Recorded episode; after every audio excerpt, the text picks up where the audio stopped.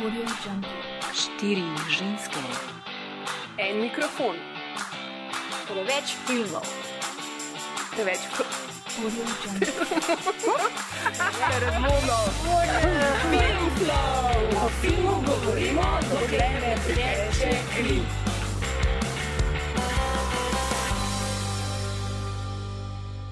Uh, Živijo, it's been a while.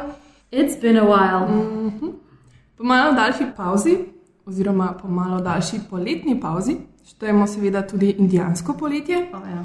se Film Flow, vaš najljubši podcast o filmu in popularni kulturi, v nekoliko spremenjeni zasedbi in obliki vrača na internetne valove. Bojana si je namreč odločila, da bo počitnice malo podaljšala. Maja Willow se v celoti seli za mikrofon, da se bo lahko bolj posvetila montaži. Če jaz si zdaj predstavljam, da je Maja tle not zmontirala neki kao. Tle, jaz sem v Tukaj bistvu, sem. Tukaj sem, ja, iza, iza, iza mikrofona. Tako da vam bova v prihajajočih oddajah, ki bodo odslej naprej izhajale enkrat mesečno, družbo delali Maja Peharc Hello! in pa jaz, in pa seveda kopica zanimivih gosti. Yes. A, Dve sta z nami tudi danes, pa jih bomo predstavili malo kasneje. V fokusu seveda še vedno ostajajo filmi, ki pa jih bova, bomo izbirali in analizirali iz nekoliko bolj družbeno-političnega vidika. Kljub temu, da so se nekatere stvari spremenile, se na spletu ni nič spremenilo, ker še vedno domujemo na www.aparatus.js, www.filmflow.js. Na Facebooku smo še kar FilmFlow.tm in FilmFlow.tm smo tudi na uh, Twitterju, na Instagramu smo pa FilmFlow podcast. Ja, tole je 85. oddaja po vrsti. Damn. Fun fact: snemajmo jo na tanko na dan, ko smo pred štirimi leti, štirimi, Aha, a, snemali našo čisto prvo oddajo. tisto ta prvo, ta prvo, ki nikoli ni šla on air, ne, ki je bila dolga Štiri ure. 4 ure, pa je šla o mačeti, ne, mačeti kills again. Ja, Ja, po stereotipu. pa stereotip. Ja.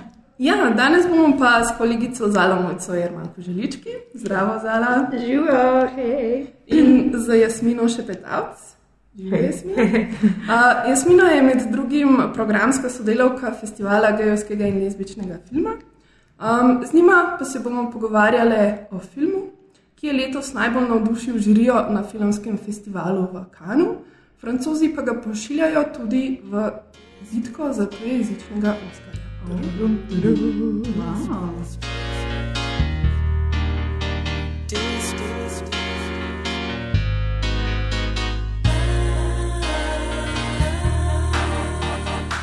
Ja, danes bomo torej govorili o tretjem celovečernem filmu pri nas dokaj neznanega francoskega scenarista, montažerja in režiserja Robina Campilija z naslovom 120 udarcev na minuto oziroma v originalu 120 battements par minute. Mislim, da imamo prvič v podkastu nekoga, ki lahko izgovarja francoske naslove. Ja, res. A, Kot napoveduje že naslov, nam Kampiljeva kinetična kvir drama z nizom adrenalinskih situacij, od državljanske nepokorščine in direktne akcije do razgretih debat, divjega plesa in vročega seksa, dobri dve uri in 20 minut dviguje puls. Ampak dajmo si najprej poslušati kratek trailer za film, ki je sicer v francoščini, ampak brez skrbi. Po insertu sledi kratek recap via Maja P. Nous vivons le sida comme une guerre, une guerre invisible aux yeux des autres. Pourtant nos amis meurent, et nous ne voulons pas mourir. Nous nous battons contre ceux pour qui l'épidémie est une aubaine car elle tue depuis plus de 10 ans dans l'indifférence générale. Je vais résumer la situation. Melton Farm a décidé d'orchestrer une pénurie de traitements afin de faire parler de sa nouvelle molécule. Et densifier l'effet d'annonce. On va augmenter la pression et on obtiendra de toute façon les médicaments pour les gens qui en ont besoin. Ensemble, nous pouvons unir nos forces pour résister à l'épidémie et aux problèmes sociaux qu'elle engendre. Il faut inverser le rapport de force. C'est pas nous qui avons besoin des labos, c'est eux qui ont besoin de nous. Tu vois bien qu'on n'arrive pas à mobiliser les médias sur la question des traitements.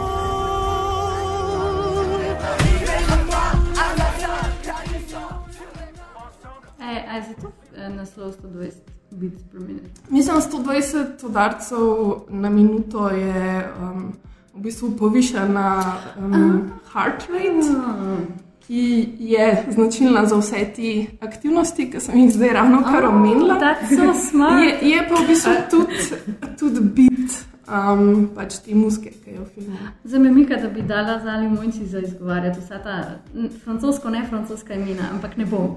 Um, ta film se da na kratko povzeti v enem stavku da, in da govori o pariški skupini ACT UP uh, začetku 90-ih, ki um, agitira in se aktivira v zadevi HIV oziroma HIV-AIDS. Um, poskušal zavestiti publiko o tem, kaj sploh je, kaj se dogaja, in prosil državo, da bi kaj več naredila um, za to stvar, ker so pač očitno francozi konec, začetek 90-ih imeli kar precej močno epidemijo AIDS-a. Um, mogoče bolj natančno, uh, natančen sinopsis, oziroma za mene malo bolj pomemben sinopsis je pa tisto, kar se zgodi med našima dvema likoma, to sta Sean in Nathan. Na to. Na to, ok, sure, fine, whatever. Ki se spoznata na enem izmed teh sestankov, uh, Act Up skupine, in potem se v bistvu med njima splete ena tako zanimiva ljubezenska zgodba, ki je prepletena z pač, aktivizmom, z borbo za življenje in smrt, v bistvu, in ki potem na en tak zelo zanimiv način doživi tudi en tak labodji spev, bom rekla. Uh, v spoilerjih pa malo kasneje.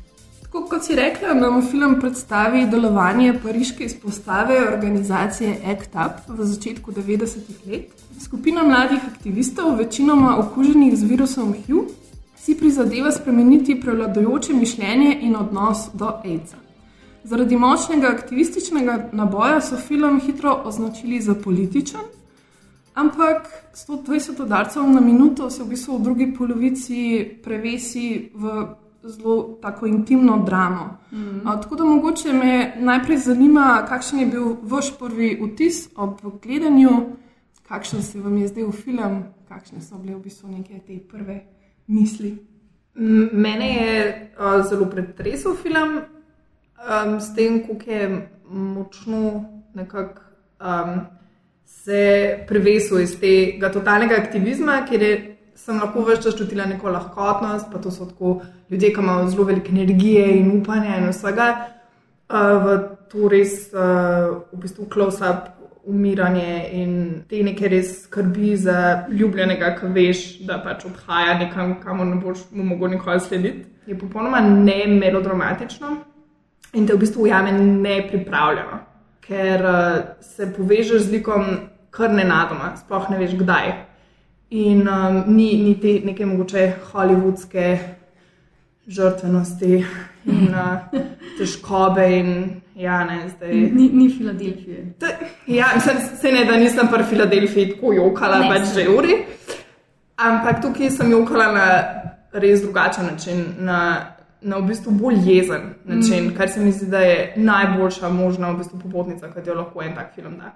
Mislim, za mene je bil v bistvu film dost um, političen, ker v zadnjih časih sicer pridejo um, na, festival, na festivale LGBT podobe, so tudi ful uspešne, jih vidimo na, na velikih festivalih um, in tudi čisto mainstream kino.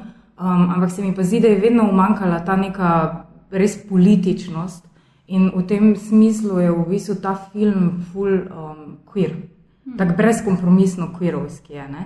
Um, in me je tudi um, dosti spomnil na te neke podobe iz začetka 90-ih in novega queer filma, um, ki je v bistvu glih se upadel s to najhujšo krizo AIDS-a in se nekako razvil iz tega jeznega aktivizma. Pa teh nekih podob, kjer so pač ljudje res bili jezni in obupani, in res si čutili to urgentnost ne, v teh podobah. In so pač potem delali te filme s temi tudi malo antijunaki, s temi jeznimi ljudmi, ki so se borili za, ne, za neki.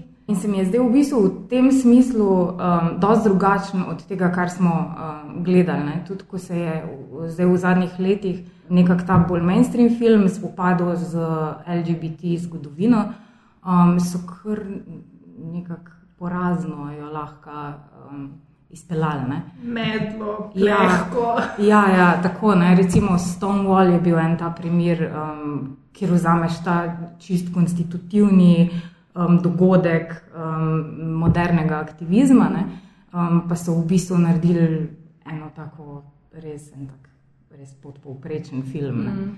Ali pa The Normal Heart, recimo, Ja. iz leta 2015. Ja, ja. 14? Ne Ki je tudi ja. čist razodenel nek ta politični boj, v čez neko intimno pripoved. In ja, in potem ta drugi del, ne, pa v bistvu te preseneti v to, ker smo pa vse, in to vidiš pri sebi, navajeni teh hollywoodskih zgodb, ker se ti zdi, da se bojo premagali ne, te neke ovire. Ja, tako je v zadnjem trenutku, da bo, ta, da bo šel on dobil to neko Ja, proteazo, ja. proteazo, Ja, in da se bojo, ne, mislim, da bo farmacija, da, da se jih bo na nek način usmerila, da vlada bo, ne, pa v bistvu vse vemo, ne, da se to ne bo zgodilo, ampak vseeno pač si iz filmov si navajen. In je, in je dobro prikazan ne, v tem, kak je v bistvu smrt ena čist samotna stvar, ne po svoje, ker moraš iti čez to pač sam mm. in, hkrati, um, in, in hkrati v tem smislu kolektivna. Ne. Um, kak je cela skupnost v bistvu skupaj stopila, kak je vsaka smrt bila politična smrt in tudi smrt, ki bi se jo dal na nek način preprečiti. Veliko bi se jih še danes dal. ne. Ja. Tudi v bistvu vsaka smrt je bila pač to definitivno pozorilo, da tudi oni sami Ja. umirajo. In mogoče je v bistvu tukaj ena tak, en tak zanimiv kolon in pač ravno s tem hkrati tudi še dodaten motivator za to, da se še bolj borijo. Meni je pač v tem filmu bilo res to zelo všeč. Da je združil ta dva zelo ritmično različna dela filma. Eden je res zelo upbeat, veliko se dogaja, veliko govorijo, veliko je jeze, akcije, um, reakcije in vsega tega, medtem ko drug se pa res v bistvu ukvarja z drug del filma, se ukvarja s čisto nekimi drugačnimi čustvi, ampak vseeno sta ta dva dela v ben hkrati prepletena na en tak zanimiv način, ker mislim, ti je zelo od začetka jasno, kako se bo zgodba končala. Ne? To, da on umre na koncu, je meni bilo precej jasno, ker se mi zdi, da je to, ker je on tudi vedel, da se bo to mm. zgodilo, je nekako vplivalo na to, kako je on tudi bil kot aktivist, um, Ja. yeah. kako se je pač mm. obnašal v tej skupini, ker nekako je skoraj tako se obnašal, kot da za njega ni nobenih posledic ne, Mm. tukaj noter. Tudi v primerjavi z ostalimi, recimo aktivisti, je bil najbolj izpostavljen, na najbolj um, Ja. tako. Meni je bilo pa na tem filmu v bistvu najbolj zanimivo to, okay, poleg tega, da je pač je ta prvi del filma posnet izredno tako, kot da gledaš dokumentar. Res izredno pristno je posnet v, v večjih um, pogledih, tako pač, ko oni sedijo v tej skupščini in se pogovarjajo, tako tudi kasnejše scene in v diskaču in kam oni dva seksata. In tako se mi zdi tako zelo unintrusive, pa lepo, pa tako pa unlep uh, filter ima čez, da je super gledati. Poleg tega se mi zdi, da se ta film dogaja zdaj, ker so vsi hipsteri. Uh, se danes tako oblačijo, kot so se ljudje v 90-ih. a ne? 90-ta za nazaj. Ja, ja. Dejansko z ničemer, v bistvu, ne definitivno. Točno tako. Če, če bi se, jaz sem pa prav premišljala, da če bi se izognili prosojnicam, pa ni bil film brez časa, pa še prosojnice te ne zmotijo tako zelo fejst. da bi- Mogoče malo bolj kaseta, Kaseta. ali mix Pa, tape. V redu, pa še to hipsteri. Ali pa- poznam ljudi, ki imajo kaseto. Kasetarja, ja, tako da mene bolj prosojnice. Mene je v bistvu najbolj na tem filmu presenetila tema sama. Jaz sem dosta taka mainstream gledalka filmov, jaz grem gledati Thor, pa sem full happy, pa Marveleve, pa te stvari. In se v bistvu res ne spomnim, da je od Filadelfije na zadnje sem videla en film, ki bi tematiziral HIV pa AIDS. In sem pa začela tako malo premišljati, kao šit, pa ste, a nismo mi zdaj že vse to neki kao rešili. ni to že- In je res ta film zaradi te teme, ki jo pač res mainstream z izjemo 1. decembra, pa kakšne akcije sem tretja, se jo fulno ne, ne tematizira več. In je v bistvu ta film zaradi pač uspodbudil pri meni zdaj premišljanje, da šit, ok, itak, še kar obstaja, najbrž ga v Evropi rahlo manj kakje drugi, ampak še kar najbrž moramo napore vlagati v to, da izobražujemo ljudmi, pa, ljudi, pa kaj se dela, pa zdaj smo že razvili neko zdravilo, a ga še nismo. In v bistvu sem se malo zavedla tega vakuma, ki obstaja mogoče okrog te teme z vidika nekoga, ki je čist mainstream, pa, se, pa, se, pa, pa če greš nekako normalno skozi life, pa če nisi prav zainteresiran za te teme, te v bistvu se sploh se te ne dotaknejo. No? Mm. In, sem, in me je bilo tudi tako, wow, ok, this is a thing that still exists, pa je še kar tema, pa je najbolj ful pomembna in sem na sam tako, ok, to je še kar ful pomembno. Me je impresioniral konc filma, ker se ni končal direktno s smrtjo, ampak smo šli takoj v bistvu nazaj na politiko. Uh -huh. uh, kar ste sicer tudi že dve omenjali, da nas potegne nazaj, oziroma kar uh, preprosto nadaljuje ja, ja, soočanje. In, ja, in to, to, to mi je bilo mogoče najbolj všeč v bistvu. Ampak treba je tudi, um, mislim, da v kontekstu to gledati, ne, uh -huh. da um, mi si verjetno tega ne znamo čist dobro predstavljati da v tistem času v, v teh skupnostih so ljudje umirali dnevno, mm. ljudje so hodili dnevno na pogrebe. Osem, in, na 8 minut, ja, ena smrt, ja. in, in enostavno mislim, to je, to je dejansko bila epidemija, ki je, ki je bila totalen šok ne, za, mm. za neke populacije, pač še posebej je zadela ne, določene populacije. Ne. Um, ki so jo pa potem, seveda, morali normalizirati, ker so bili to, mislim, da je smrt postala mhm. nekaj skoraj ja. naravnega. Ne? Ja, ker ja. so bili to in pač res politični. Mislim, ja, meni ta konc je všeč tudi zaradi tega, ker se mi zdi, da nobena smrt ni. Mislim, to se bo zdaj malo narobe slišal uh, za manj. Mm -hmm. Mislim, da v bistvu vsaka smrt ima še vedno moč, da nekaj spremeni. Ne? Mm. Mi je bilo pa v bistvu pri filmu to zelo zanimivo, da ima skoraj nekakšno dokumentaristično kvaliteto. V bistvu je precej jasno, da gre za nekakšen pogled od znotraj. In potem, ko si malo prebereš o mm. filmu in o njegovih avtorjih, se je pač izkazalo, da sta tako Kempiljo kot njegov soscenarist Filip Mangeot um, da sta bila tudi sama v bistvu člana pariške uh, skupine ACTAP. Se mi zdi, da je to njuna naloga po tej realistični reprezentaciji po eni strani malo lajšal, po drugi strani pa najbrž tudi precej otežil, ker vseeno imaš pol neko to breme, da to, kar si sam doživel, res poskušaš prikazati mm. na način, ki je čim bliže neki yeah. uh, realni sliki. Tako da mogoče si lahko najprej poslušamo enkrat, eno kratko izjavo režiserja, kjer tudi govori o tem. There has been two things very important in my life. That's cinema and AIDS. Bonjour tout le monde, nous sommes Acte Paris et nous sommes venus vous donner un cours de prévention sur le sida parce que l'État français est incapable. Oh, je vous demande de quitter cette salle. I didn't want to fail about this subject, you know, because it was so important to my life and, you know, uh, because when I joined ACT UP, you know, after eight, 10 years of loneliness in front of this epidemic, I reinvented myself because of all those guys and girls that I met in this group. You know, I waited like 30 years to do this film because I was thinking of doing a film about this in the early 80s when the, the epidemic started, but it took me all this time to understand that I should do a film about this moment when we joined together uh, trying to change the perception of the, the, the disease in, uh, to the rest of the society. So it took me ages to understand what was obvious to me. That's very weird, but it works like this. Pač kaj vi menite o tem, kako se to pozna v filmu, če se pozna, mogoče tudi čisto na konkretnih primerih iz tega filma, ki se mogoče vidi, da je ta mm. film naredil nekdo, ki res dobro pozna to tematiko. Ja, jaz mislim, da se to vidi takoj v tem prvem kadru. Ja. Ko pač pride to, pridejo predavalnico številka 15 na filopaksu. In je vse tako zelo naravno, zelo deluje full unscripted. Um, že pač, ko začnemo tako, da ta predsednik oziroma predsedujoči razlaga potencijalnim novim članom, zakaj se gre, in ti full dobro dobiš itak v pogledu to, kako deluje stvar, kakšna so pravila, tako da ti je tako jasno. To je full clever način filmanja, ker je treba narediti ekspozicijo, ne, zato da folk ve, zakaj se gre in potem to narediš z novimi liki. In pa, ko se cela zadeva začne, je tako zelo pristna, da pač.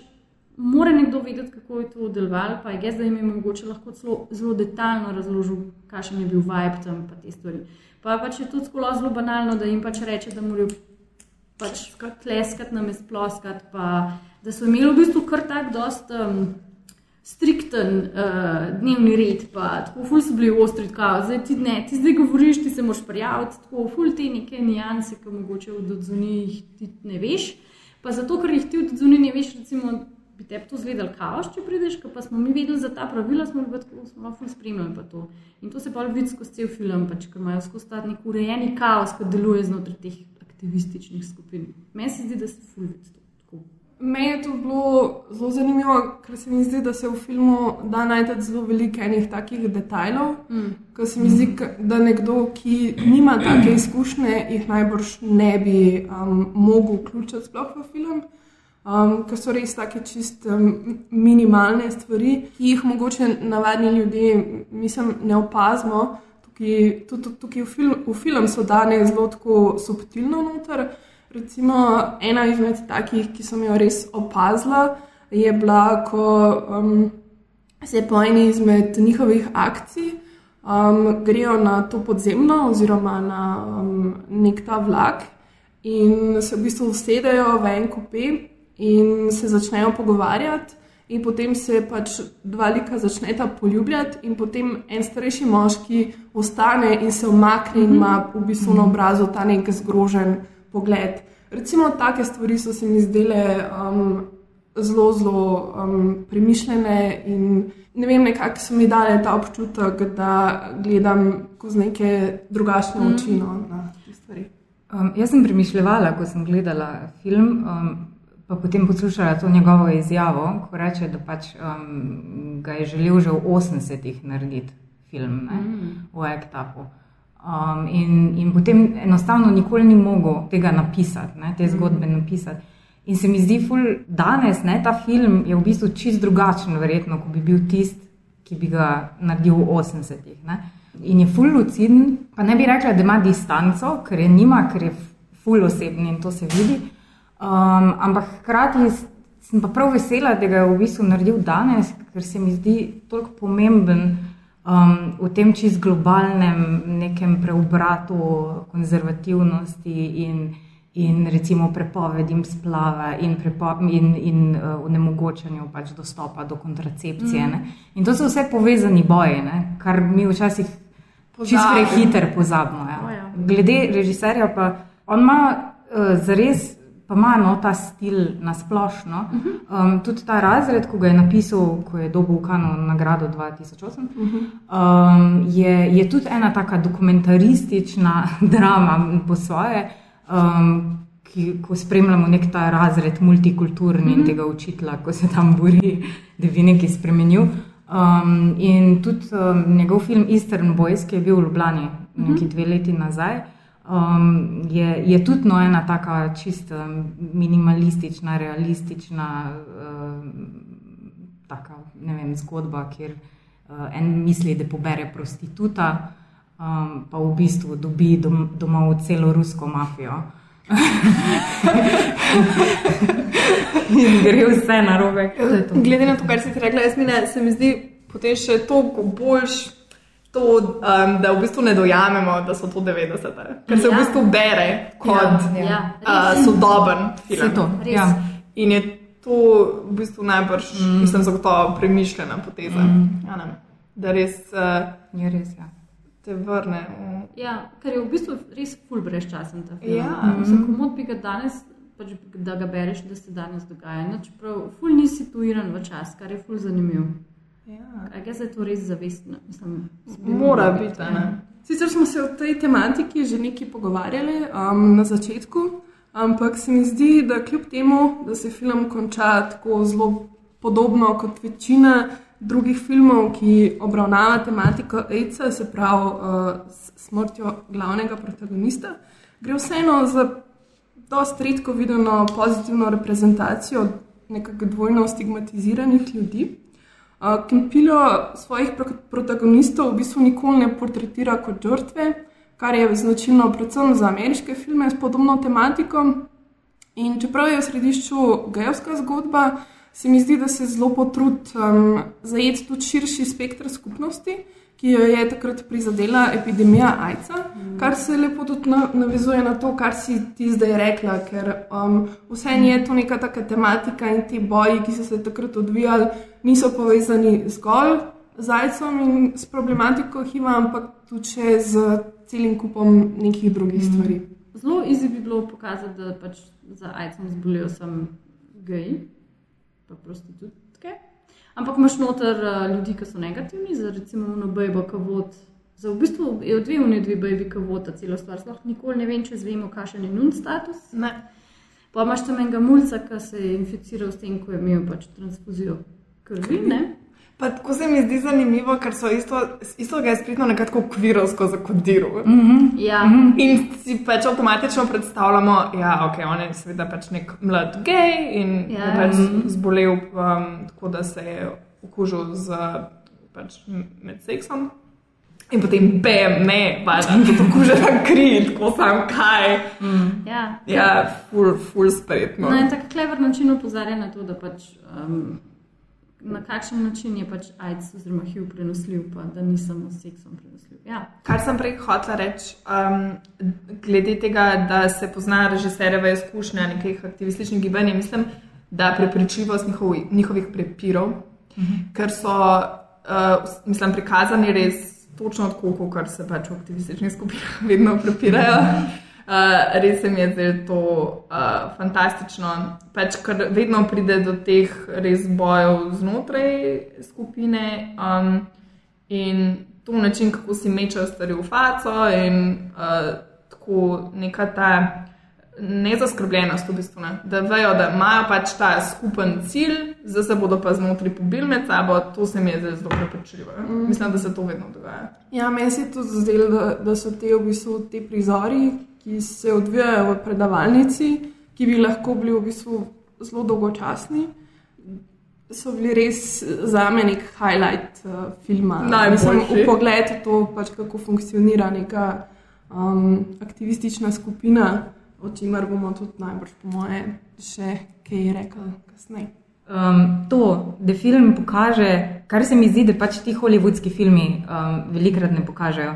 Prvič, da, je, um, da so to bile močne skupnosti, ki so se borile za neke pravice. Ne? To niso bili neki osamelci, tam, naprimer, ne vem, eh, tam Tom Hanks.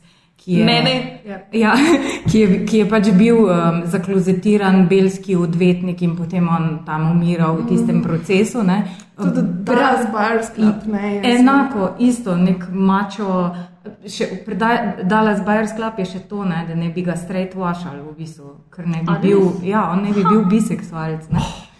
Mm, in, tak, in, in, in, in ni nobene skupnosti, nobene umembe skupnosti, samo ta neka čist individualna trpljenje in smrt. Um, in čisto oropan politike, in tudi ponavadi seksa. Mm, ja, Ni, ja. Ali pa Džije, se spomnim, ali kdo Džijo gledal. To je pa bil v bistvu Angelina Jolie je igrala um, in je igrala to neko znano manekenko v 80-ih, ki je umrla leta 86 um, za posledicami AIDS-a. Tudi čiste individualne zgodbe, kot da se sploh ne bi dogajal ta jezen aktivizem in politika. Mm -hmm. um, in tukaj se mi zdi, da, da to naredi in pa to, um, da tudi izpostavi, koliko zlahka je v bistvu kapital in država um, pustila umirati ljudi in telesa, ki so se pač jim zdela devijantna in odvečna. Um, in in koliko zlahka so to naredili, medtem ko danes, naprimer, pa imamo, pa lahko govorimo o roza ekonomiji, ne, pa o um, ne, nekih bolj sprejetih kvir podobah. In, ne, 20 let nazaj so pa v bistvu pustili te neke segmente populacije, ki, ki so bile bolj ogrožene za prenašanje pač umiranja. Mm.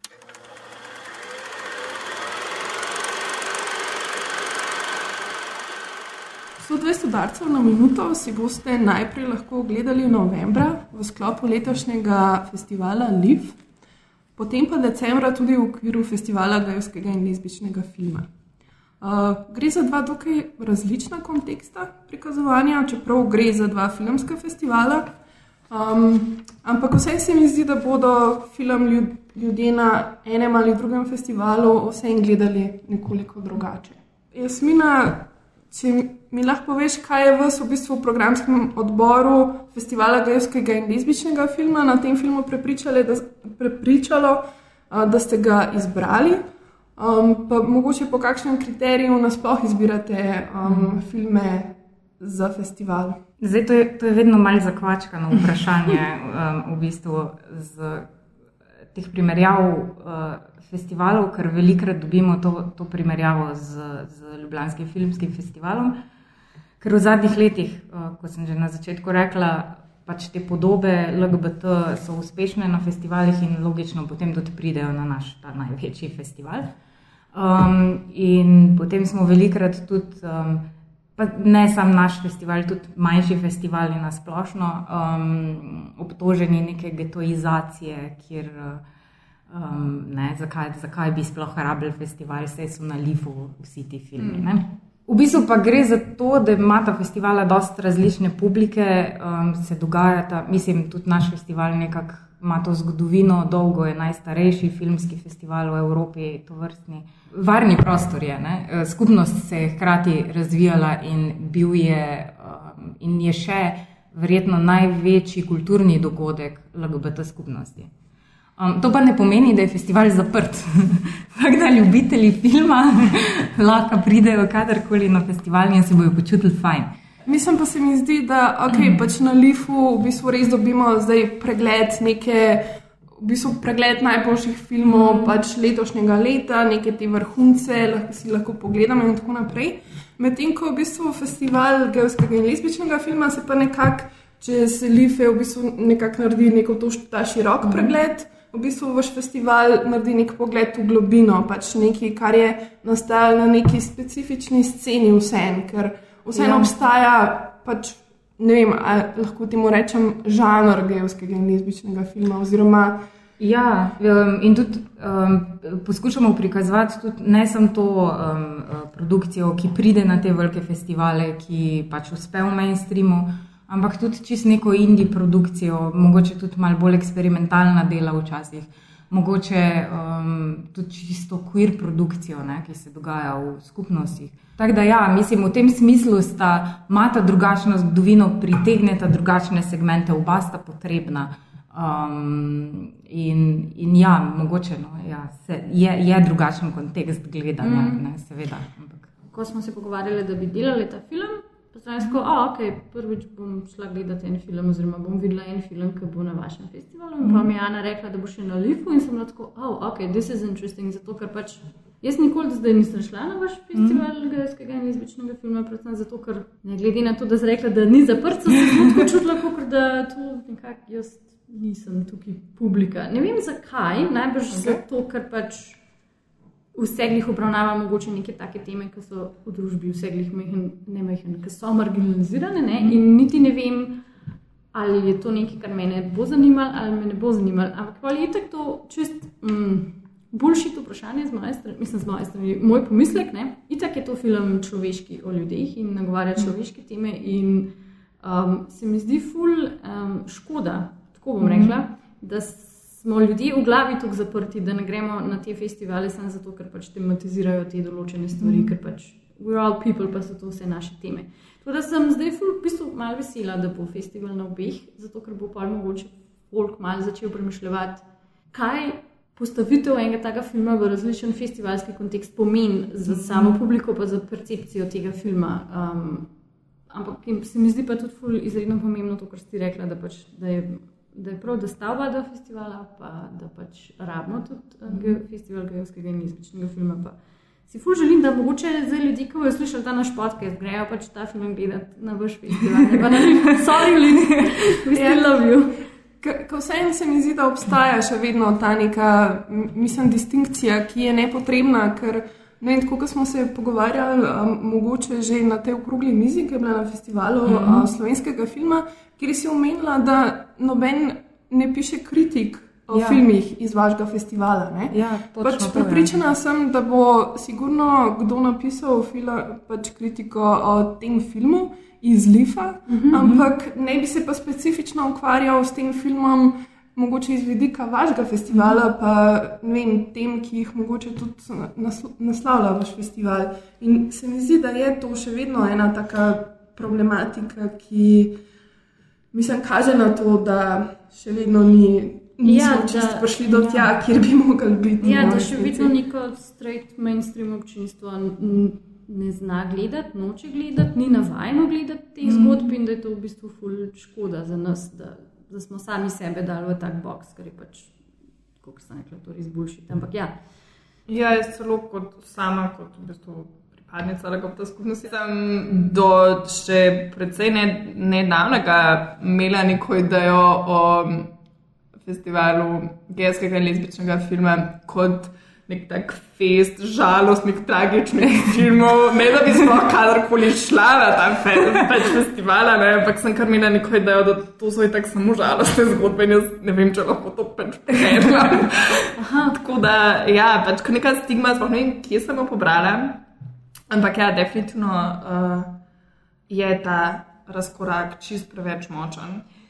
Mislim, začetek festivala je bil dost alternativen. Uh -huh pač alternativna kultura je takrat bila močna in je tudi bila podobna koalicija, ko jo ta film recimo kaže, je bila v Ljubljani, um, ampak kulturna koalicija, kjer uh, so, so bili pač punkeri in ta čist underground scena in gej in lezbike. In, In skratka, se je začel festival tudi s temi dost eksperimentalnimi deli, um, ne, čist nekim umetniškim filmom, Fassbinder, um, uh, Otinger in to. Tako da, ja, mogoče, mislim, je, je bil težji, se je potem tudi vedno poskušali te neke um, eksperimentalne filme noter pripeljati, ampak čez čas se je videl, da je res publika jih težko sprejema. Mm -hmm. um, in to je verjetno težava uh, na splošno, no? da je eksperimentalni film dosti težko, vedno težje ga nekako gledajo. Včasih so bile bile take vrste, uh, mi je brane pravo, v Cankarjevem domu je bil. Um, na festivalu je bilo v začetku več strejtov kot gejo in lezbik in biseksualcev in trans. In, ja. um, in, uh, in vsi so hoteli gledati te eksperimentalne filme.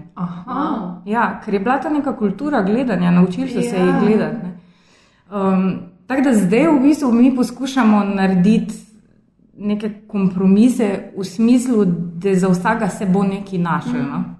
Uh, še vedno se trudimo dati neke politične tematike noter, neke filme, ki odpirajo uh, ene pomembne teme, ampak hkrati pa tudi se najdejo ne? Mm. taki čist ganljivi filmi in potem tudi kakšna komedija.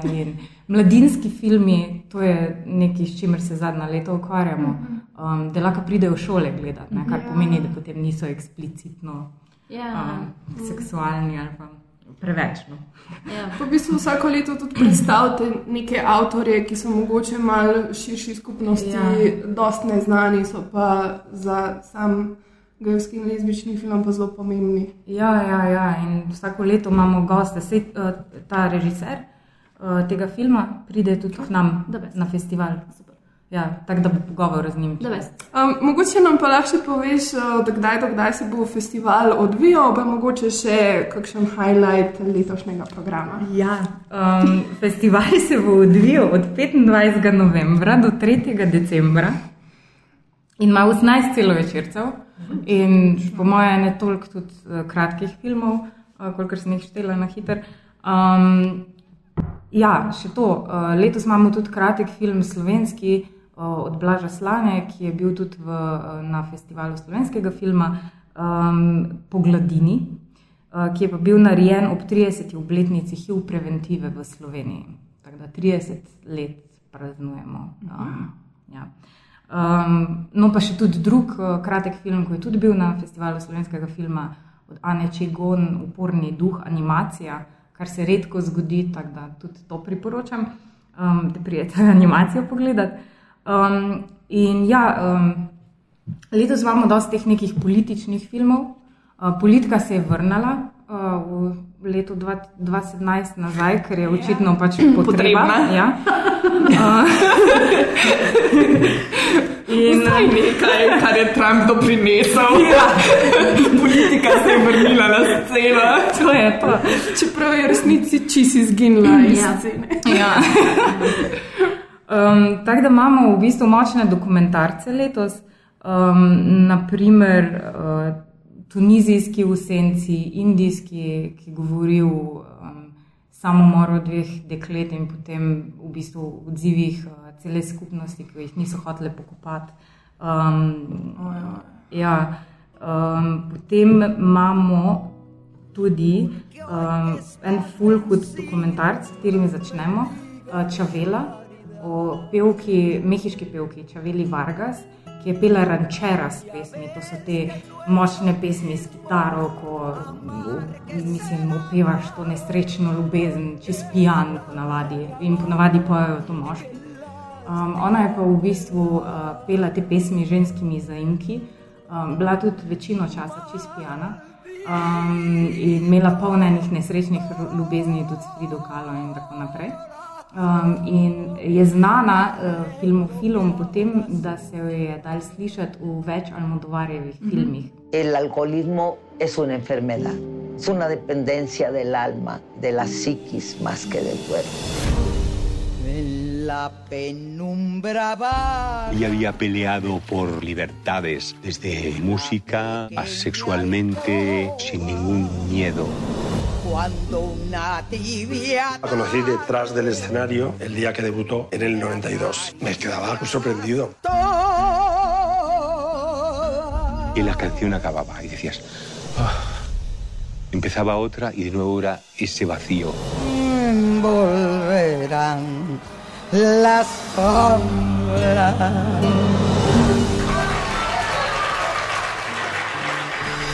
Cuando eres verdad, al final te impones. Me llamo Chavela Vargas, que no se les olvide. Um, potem Klepet um, je tudi en super dokumentarc, um, ko tudi govori o tem. Ne, to so dokumentarci, ki so sicer dosti intimni, govorijo pa o tem, kako homofobija vpliva na čist neka zasebna življenja in kako je zasebno tudi politično. Mhm. Um, in tukaj sta um, v bistvu mati in hči, ki živita skupaj, ampak v totalnih tišinah. Um, in potem se počasi začne mama, um, ki je lezbika, odpirati hčerki in ji razlagati o tej svoji zgodovini in kako je v bistvu bila prisiljena se poročiti um, z nekim tipom, ki je bil alkoholik um, in jo je pretepel in je potem ga pustila in zaživela kot lezbika z dvema hčerkama. Um, tako da to tudi ful priporočam. E, potem med igranimi pa naprimer Poluju, ki govori, ko bi v bistvu bi lahko ga imenovali uh, 20 let po uh, 120 utripov na minuto. Mhm. In, je, in ta, um, mislim, spremljamo enega aktivista, Sema, ki um, je, je bil tak res jezen aktivist na začetku te AIDS krize in um, je zdaj čist razočaran, svul ene slabe vesti, ker je preživel. Um, in čist razočaran tudi nad novo generacijo um, um, LGBT oseb, ki se mu zdijo čist apolitične Mhm. in, in sploh ne razume, kako je lahko aktivizem na nek način se razpustil v to. Ja, to je to. Torej, um, 25. november do 3. december, slovenska kinoteka, najbrž tudi um, kaj v kinodvoru. V kinodvoru je um, otvoritev. Ja. Potem se pa nadaljuje v kinoteki. Tako da Tudi najlepše, gostje so. najlepše vabljeni.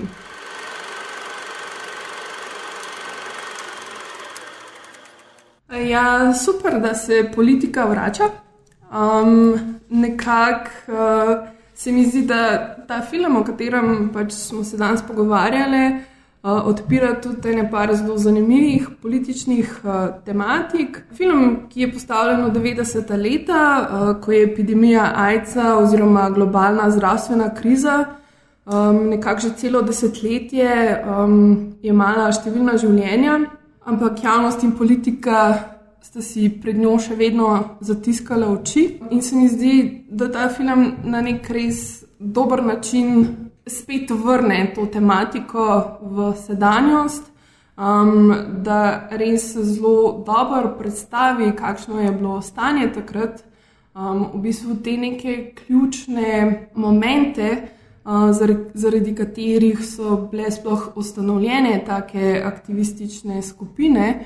Eden od glavnih problemov je, bil- je bil ta, da o AIDS-u nihče nič ni vedel. Mm. Tako da v bistvu v tem filmu je to zelo velik poudarek na tem, da se njeni člani poskušajo res zelo dobro izobraziti o tem, kaj je kako se ga v bistvu da preprečiti, pritiskajo v bistvu na um, državo, da začne bolj spodbujati raziskave na um, v bistvu neka ta farmacevtska podjetja, da začnejo več vlagati v raziskave in tako naprej. In se mi zdi, da um, tukaj naredi en tak zelo lep, ne preveč didaktičen, ampak kljub temu zelo informativen pogled v to kateri so bili glav, glavne v bistvu neke, um, neke vprašanja, s katerimi se je v bistvu ta skupnost uh, sploh soočala. Uh -huh. uh, po drugi strani se mi pa zdi, da če se je takrat o tem kar precej govorilo, se mi je pa prav ob tem filmu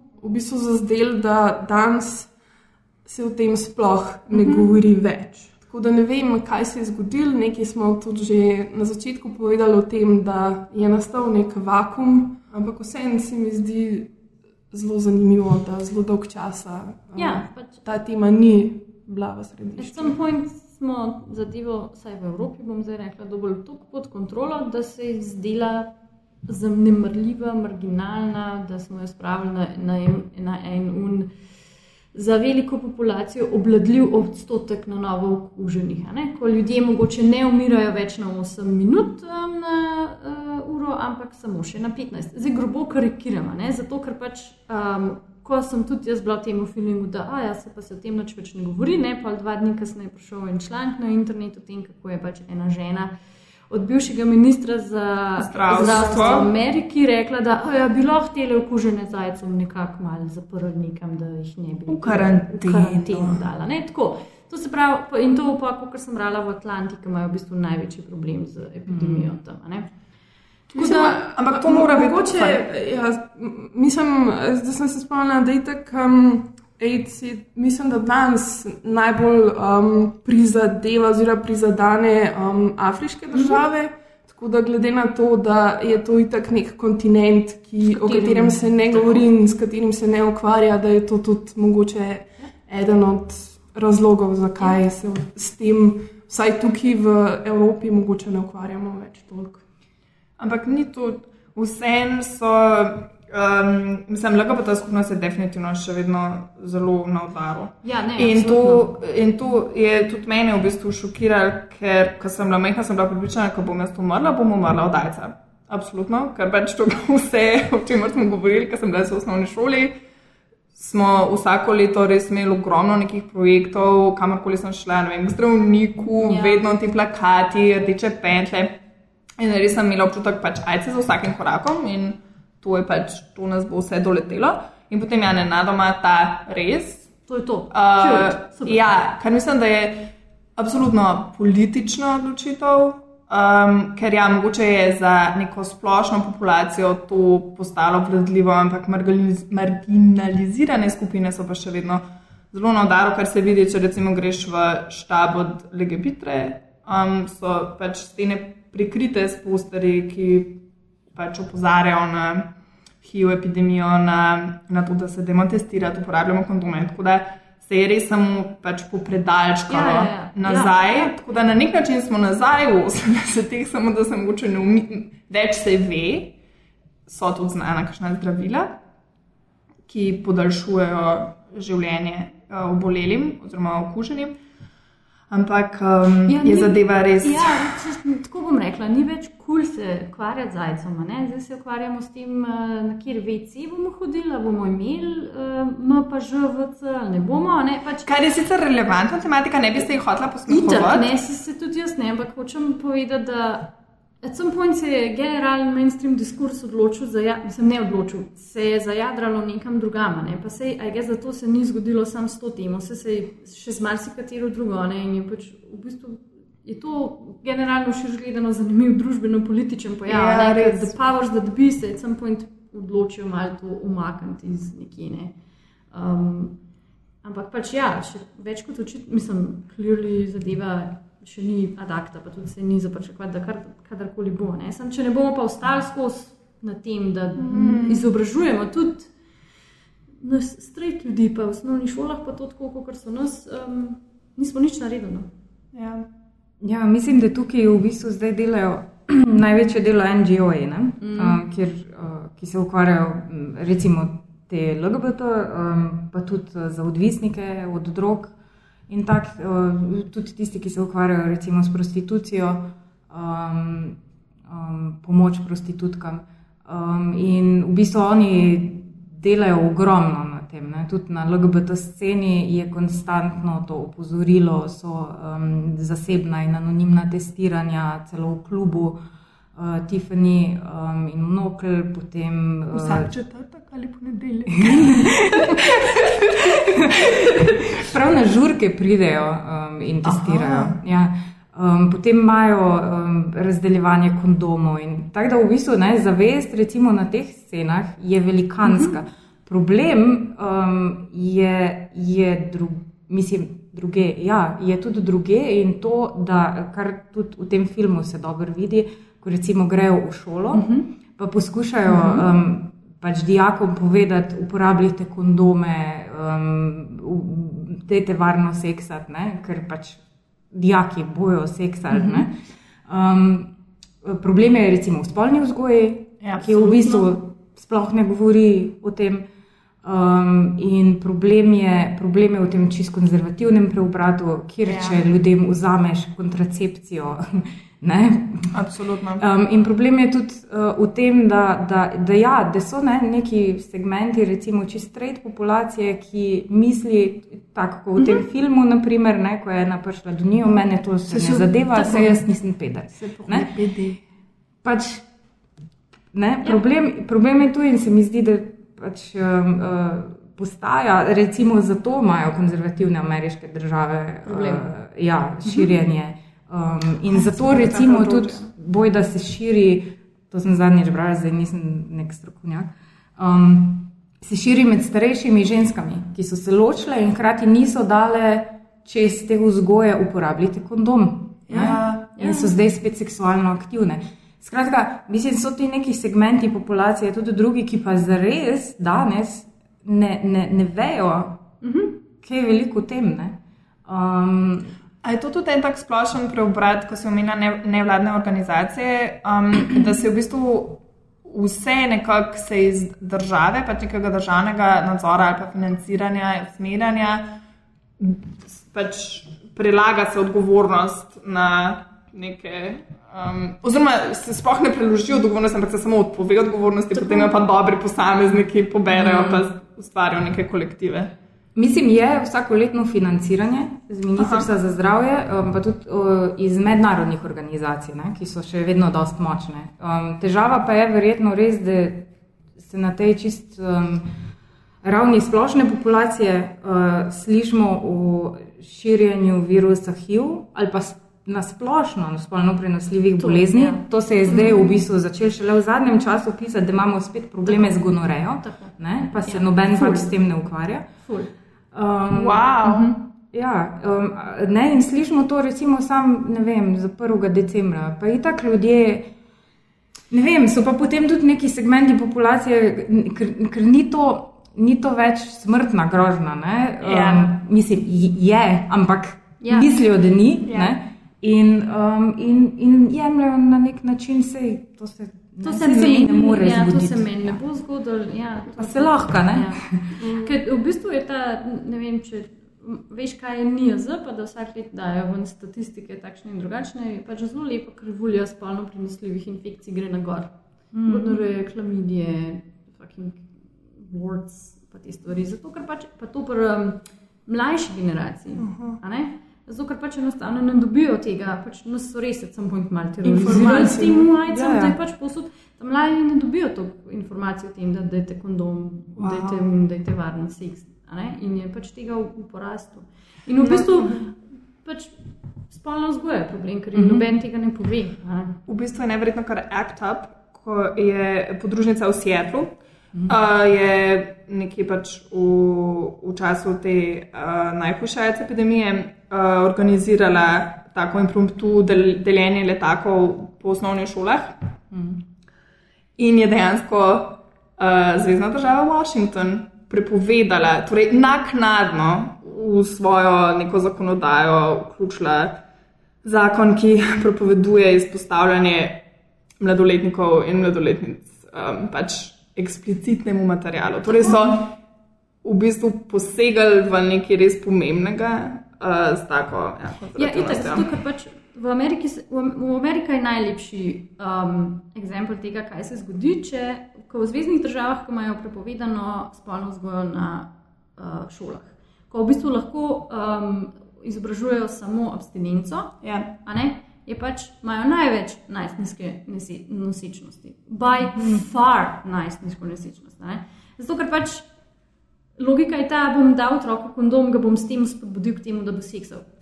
Živeli, pač otrok bo seksal, pač daš mu kondom zato, da bo kul cool seksal. ne. Ampak pač pri njih logika ne gre ta, a ne, pač they will corrupt the young in potem se bo vse izrodilo. Ampak pač očitno, pa tudi, pa tudi tako je. Ful v Ameriki, v zvezdnih državah, itak nacionalno noben ne vod, ni nacionalne statistike Tako je. tega. In tudi znotraj držav v bistvu ne smejo do določene mere tega voditi, ker pač medicinski centri med sabo skoraj ne smejo komunicirati, koliko imajo tega. In v bistvu vse, vsi tisti, ki vejo, kakšen, je problem, so oni first responderi, ki pač pridejo k njim 15-16 letnice noseče, pa pač se testirati za gonorojo, pa to, ampak nimajo v bistvu nobenge, nobenega sistema, nobene pomoči, nobenega, da bi se skupaj pač zorganizirali pa dal. Ne? In zato je tam tako problem. In grem glavo staviti, pač um, s HIV, AIDS, zadeva podobno. Ne? Boh nadej koga izobraziti, boh nadej in da tako nom in potem imaš pač te epidemije. Ja, v bistvu ena tema, o kateri smo tudi že malo pogovarjali ob tem, ko smo se pogovarjali o samem filmu, je to, da um, film res odlično predstavlja delovanje neke aktivistične skupine oziroma organizacije, uh, nekakšne napake in vsa trenja, ki se pač vedno dogajajo znotraj um, takih skupin. Mm. In zato se mi zdi, da je tudi en zelo lep primer tega, pač kako mogoče vem, vzpostaviti sploh neko tako skupino, kako pač ne vem, delovati v taki skupini, kako se zauzemati za neke skupne cilje. Um, tako ne vem, recimo, zelo, so mi bilo všeč, zelo mi je bilo všeč, ker, je bilo, um, ker so bila res prikazana ta trenja znotraj skupine, um, pa to, kako gre lahko v bistvu zelo hiter um, vse skupaj v čist napačno smer, če nimaš več glasov, ki te pač opozorijo, da okay, tukaj smo šli pa malo predaleč. Ker recimo odlična scena je tista, ko se pogovarjajo o um, naslednji paradi ponosa, ki jo bojo priredili, in v bistvu ta vodja skupine reče: O, ja, bomo dali v prvo vrsto um, bolane ljudi iz bolnišnice, jih bomo dali na invalidske vozičke in bojo oni pač kot. Uh, Neka ta glava parade izpostavljeni, in potem v bistvu um, Šon reče: Pa kaj na robe s tabo, jaz nisem dovolj bolan za te, ne, da moraš ljudi vleči iz bolnišnice. In se mi zdi res lepo v bistvu pač predstaviti neke um, nianse, kako nekdo, ki sicer pač razmišlja v nekakšno pravo smer, lahko zelo hitro gre kak korak predaleč um, in tako naprej. Ja. A ste ve, mogoče opazili še kak tak prizor, ki se mi je zdel, da je še posebej stopal ali pa. Če je kakšna razlika v tem, kakšen je bil aktivizem takrat in kakšen je danes? Ja, takrat ni bilo interneta, ni bilo hashtagov. Kar je bilo, se mi zdi, boljš za aktivizem, kot je danes, in tudi hkrati malo slabš. Ker um, mene je ful presenetilo, mislim, ful presenetilo. Vse vem, koliko v bistvu naporno je biti v aktivistični skupini, koliko je res veliko debatiranja in kreganja, čeprav se grejo, jim gre za isti cilj, pa za vse stvari, pa koliko pač moš imeti res potrpežljenja, da pač zorganiziraš karkoli, da dosežeš v končni fazi karkoli, ker pač, a jaz, da dosta uizi je, ne vem, mogoče iti na ulico se dreti, ampak da pač je pol iz tega dretja na ulici um, rezultat, kakršna koli stvar, da se zgodi full traja. Ne? In se mi zdi, da in je to včasih tako bom rekla. Včasih brez interneta imam jaz, sem imela občutek, da je bilo to včasih korak bližji, pa lažje bilo, zato so bili ljudje veliko bolj fizično povezani en z drugim in veliko bolj prisotni na enem mestu, ne? ampak so bili mogoče pa zaradi tega mehen bolj lokalno. Medtem ko ok, danes. Ko se nam je glih zgodil Harvey Weinstein, imamo zdaj super hashtag MeToo, ki smo ugotovili to, kar je jaz, da smo že vsi vedeli, da se te stvari dogajajo povsod, kar nam sicer da res eno tako širino, pa globino, pa še bolj so, smo zgroženi, ampak nam odzame pa en ta fizični moment tega, ker ti v bistvu se ti ena energija aktivizma nekje v eni točki nabere in tam malo se razprši ta moment, se mi zdi. Ja, ker tukaj se mi zdi, da je tudi ta, ne, ta mitu je zdaj nekaj, kar smo vsi vedeli, pa noben ni pač prej govoril o tem. Ne, je zdaj ja. samo neka. Ne vem, fraza v bistvu. Ja, ja just another hashtag, ne v bistvu. Mislim pač, da je to malo banaliziran, pa malo sem pritisnjen, ampak tako ne, malo izvodeni pol iz, iz resnosti tega, se mi zdi. Ja. Čeprav po drugi strani so pa družabna mreža omogočila neke proteste yes. uh, in, in jih hitro sprožiti. Mislim, ja, res je tako dvorezen meč. Ja. Jaz ful se strinjam s tabo, kar se tiče tega fizisa. Tega, da si pač nagrmadena z milijon drugimi, pač v tisti 15, ki je tako, ja, da se pač nekaj dogaja, te ful bolj našopa, kot kar če imaš v bistvu si v neki svoji sobi. In... Ja, je pa v bistvu ekta bila ena takih zadnjih večjih, mm. res teh organiziranih aktivističnih skupin. Um, tako da ne vem, mislim, um, imaš ti kaj. Um. Ja, ja uh, res ima v bistvu zanimivo zgodovino um, Act Up. Ker je pravzaprav nastala ta organizacija kot odziv uh, Lerija Kremerja, ki ga mogoče boste poznali kot uh, pisca drame The Normal Heart, ki je po kateri bil posnet tudi film z Jimom Parsonom in Markom Ruffalom in tako imel je kar neko to medijsko publiciteto. Uh, ki je bil že prej soustanovitelj um, organizacije Gay Men's Health Crisis. Ampak je bil uh, kot pač odziv na, na epidemijo AIDS-a, ampak je bil izredno nezadovoljen s tem, kako se je cel proces totalno birokratiziral in uh, počutil se popolnoma impotentnega, in pač ljudje so umirali in na ceni naredili in tako. In je pravzaprav na nekem kongresu te organizacije uh, pozval ljudi čisto spontano, kdo je za to, da se gremo malo bolj resen aktivizem. In je čez dva dni prišlo 300 ljudi na prvi sestanek in so naredili, ustanovili ta Act Up, kar v bistvu pomeni AIDS Coalition to Unleash Power, kar se mi zdi super. Um, in, uh, ja, in so v bistvu res fenomenalno organizirani, ker so totalna demokracija, um, v bistvu anarhodemokracija, torej brez jasne vodje, uh, ki bi delegirali ali dirigirali, ampak so vsi pač imeli uh, pravo glasovanje. Um, sicer se je kasneje to izkazalo, da ne čist res. Flat struktura mogoče ni. Ja, uh, v bistvu je Larry Kramer rekel: Democratic to a fault. Ja. Uh, se, in seveda so se pač pokazali neke karizmatične skupine, ki so to mogoče malo bolj vodile. Ampak ja, v glavnem so res bili na ulicah, bili so. Pač požižgali so se v bistvu na pravila, mm. udirali so na maše, ko, je, ko se je sprožil ta konzervativen val uh, crkva proti kontracepciji, konkretno kondomom. Here's an idea. Ja, uh, udaril so v St. Patrick's v New Yorku in naredil totalno štalo. um, in uh, spregovorila bi še o dveh podružnicah, ki se mi zdita super in sicer uh, ustanovili so tudi um, umetniško ekipo, Grand Fury. Sure. Fenomenalno ime, uh, ki so delovali kot anonimni kolektiv, zato da ne bi nihče izstopil, um, pa tudi zato, da so pač res uh, bili tu zavarovani, a ne dvojen pomen.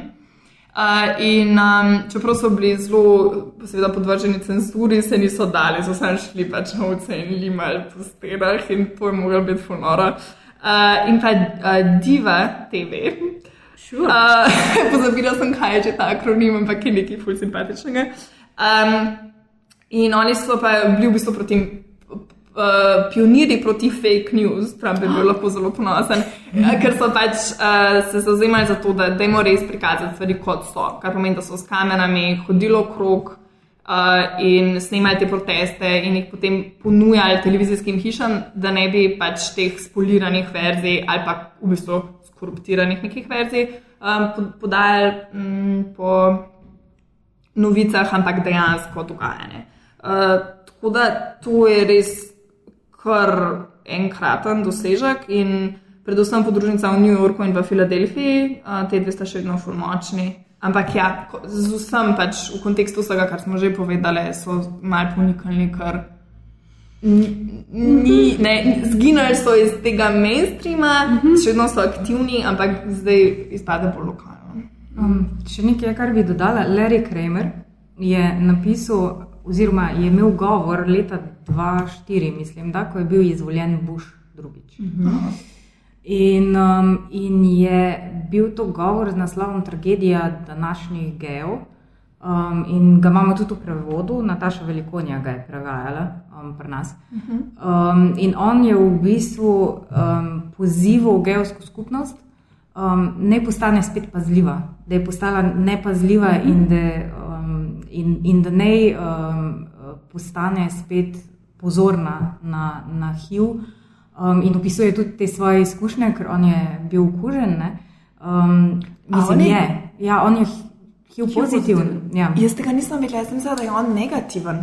Ne, uh, HIV pozitiven in je potem opisoval, um, um, kako so mu mogli jedra zamenjati zaradi vseh teh tablet, ne, Mm. ki jih je, je imel. In da, in da to ni neka stvar, iz katere, mislim, ki bi jo lahko toliko zlahka ti- kot jo mogoče jemljemo uh, danes.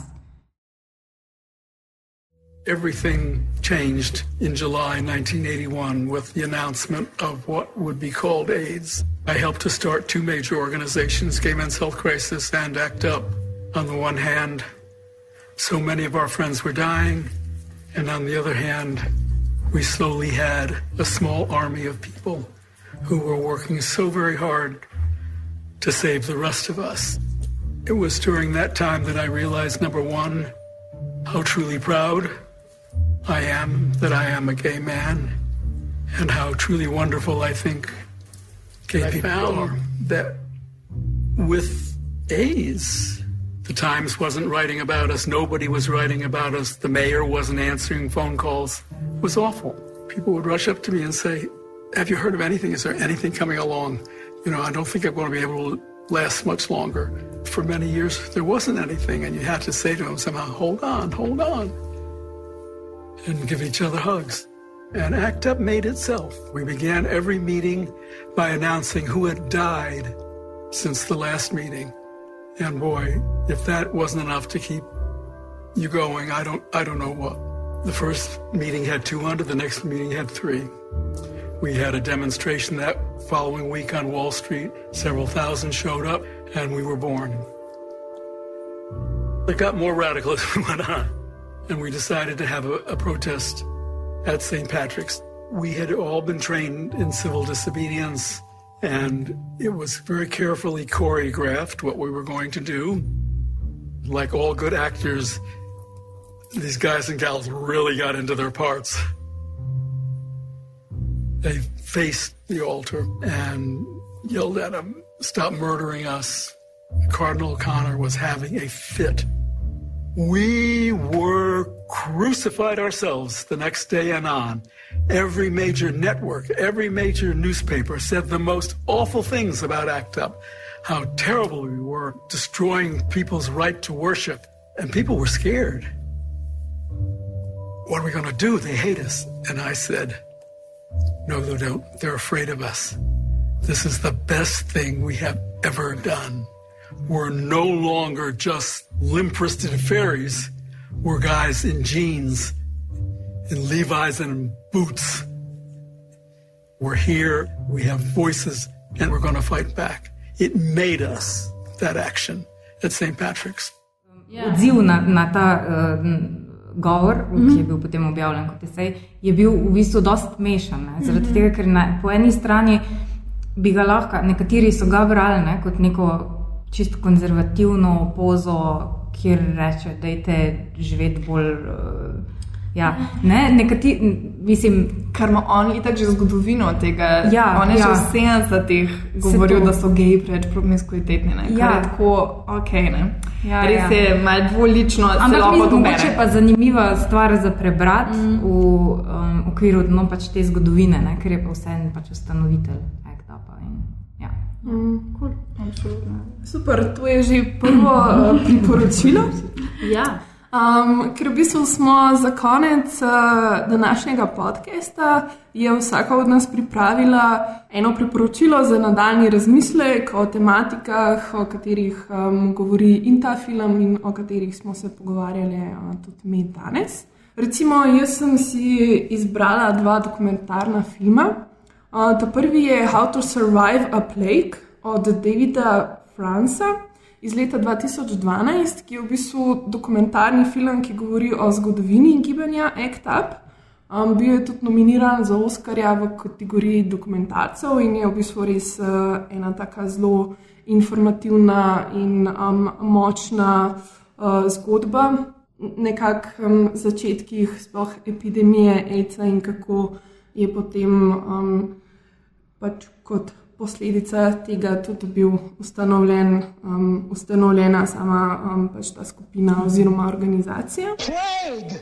We are in the middle of a plague. 40 million infected people is a plague. AIDS is now the leading cause of death. Demonstrators blocked access to buildings. Coalition of gay groups came to shut down the FDA. This government has the resources to deal with the AIDS epidemic, and they won't do it unless we force them. We want everybody to join us. We are trying to arouse to anger and action. Until we get our acts together, we are as good as dead. Um, potem pa mogoče, tako kot je tudi v tem filmu, um, 120 udarcev na minuto, na eni strani aktivizem, na drugi pa bolj neka intimna zgodba. Sem pa dodala še dokumentarni film Silver Lake Life, The View from Here, ki ga tudi v enem od intervjujev omenja uh, režiser filma, o katerem smo danes govorili. Tukaj gre pa za zelo osebno in intimno zgodbo o zadnjih mesecih življenja gejovskega para. In gre v bistvu za res en tak um, zelo intimen film, ki ti da pač v pogled um, iz, iz zelo v bistvu osebne, osebnega vidika na to, kako je bilo živeti um, zajcem. Ja, jaz sem se kar malo ukvarjala s tem, kaj bi priporočila, ker sem takoj dobila občutek, da jaz v bistvu ne poznam veliko stvari s to tematiko, ojoj, kaj pa lahko priporočim. Potem sem se spomnila na uh, film Ure do večnosti, pozabila sem režiserja. Verjetno bomo dali Okej. zapiske.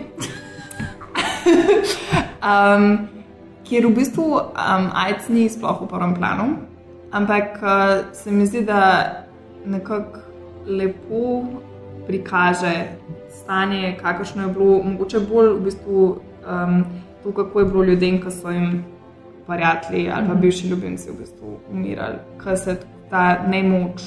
V bistvu, mislim, sicer zanimiv izbor, ne, ker eh, sem drugače bolj politično naravnana, ampak eh, tukaj gre pa za res neko osebno uh, zgodbo. Ampak eno, tudi na splošno čudovit film. Dear Leonard, to look life in the face.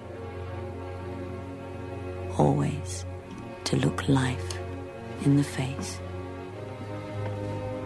And to know it for what it is. At last, to know it. To love it for what it is. And then to put it away.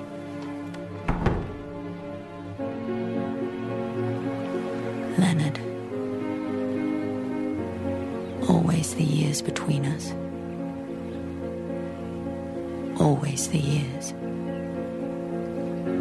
Always the love. Always. The hours. No, če bi pa v bistvu priporočila Diamanto Galas. In uh, to je v bistvu eksperimentalna, avantgardna glasbenica, pevka. Uh, in, um, in je napisala več del um, v času te najhujše AIDS krize, um, ki se v, v bistvu ukvarjajo s tem in so tako čist pretresljiva, ko jih poslušaš. Um, in tudi njen brat je umrl od AIDS-a in, je, um, in je bila v bistvu zelo aktivna um, politično v tistem času um, kot aktivistka. Super, bomo to dali tudi v zapiske. Cool. Moje, moje priporočilo je pa sledeče: da si najprej pogledate 120 bits per minut, pa si pogledate vse to, kar so moje tri kolegice rekle, pa pa se greste testirati za to, ali ste pozitivni ali niste pozitivni. Juhu. Ne glede na to, kdo ali kaj ste, um, regardless of every, anything, se pojete testirati, ker um, zanimiva je izkušnja to, ko se greš testirati. Ko recimo tako kot uh, mi ženske, ko imamo vsak uh, mesec kao menstruacijo, pa čeprav veš, da nisi seksala, pa ti menstruacija dva, dve, dva dni zamuja, tako, could I be pregnant? Ne. Čeprav si pri tej trdno prepričana, to, da nimaš jajca, pa se greš testirati, pa si tako, ko čakaš na tiste. Zanimiva izkušnja je za vas, zato da se malce soočite s tem, kaj to pomeni biti v taki situaciji. Pa čisto, da veste, a ste ja niste, pa zraven, če se boste testirali za HIV, se testirajte še za klamidijo, gonorejo in vse ostale druge stvari. Pa for the love of God, porabljajte kondome, prosim. The best. Ja. Act up. Act up. Okay. Um, v, v duhu vsega tega, kar smo se danes pogovarjali, pa novosti um, podcasta Filmflow, uvajamo, oziroma uvajava mi dve novo kategorijo, ki se pa pač uh, direktno sklicuje na tale naš uh, film, Act Up, pa uh, aktivizem, uh, ki ga bomo zdaj malo bolj zapopadli.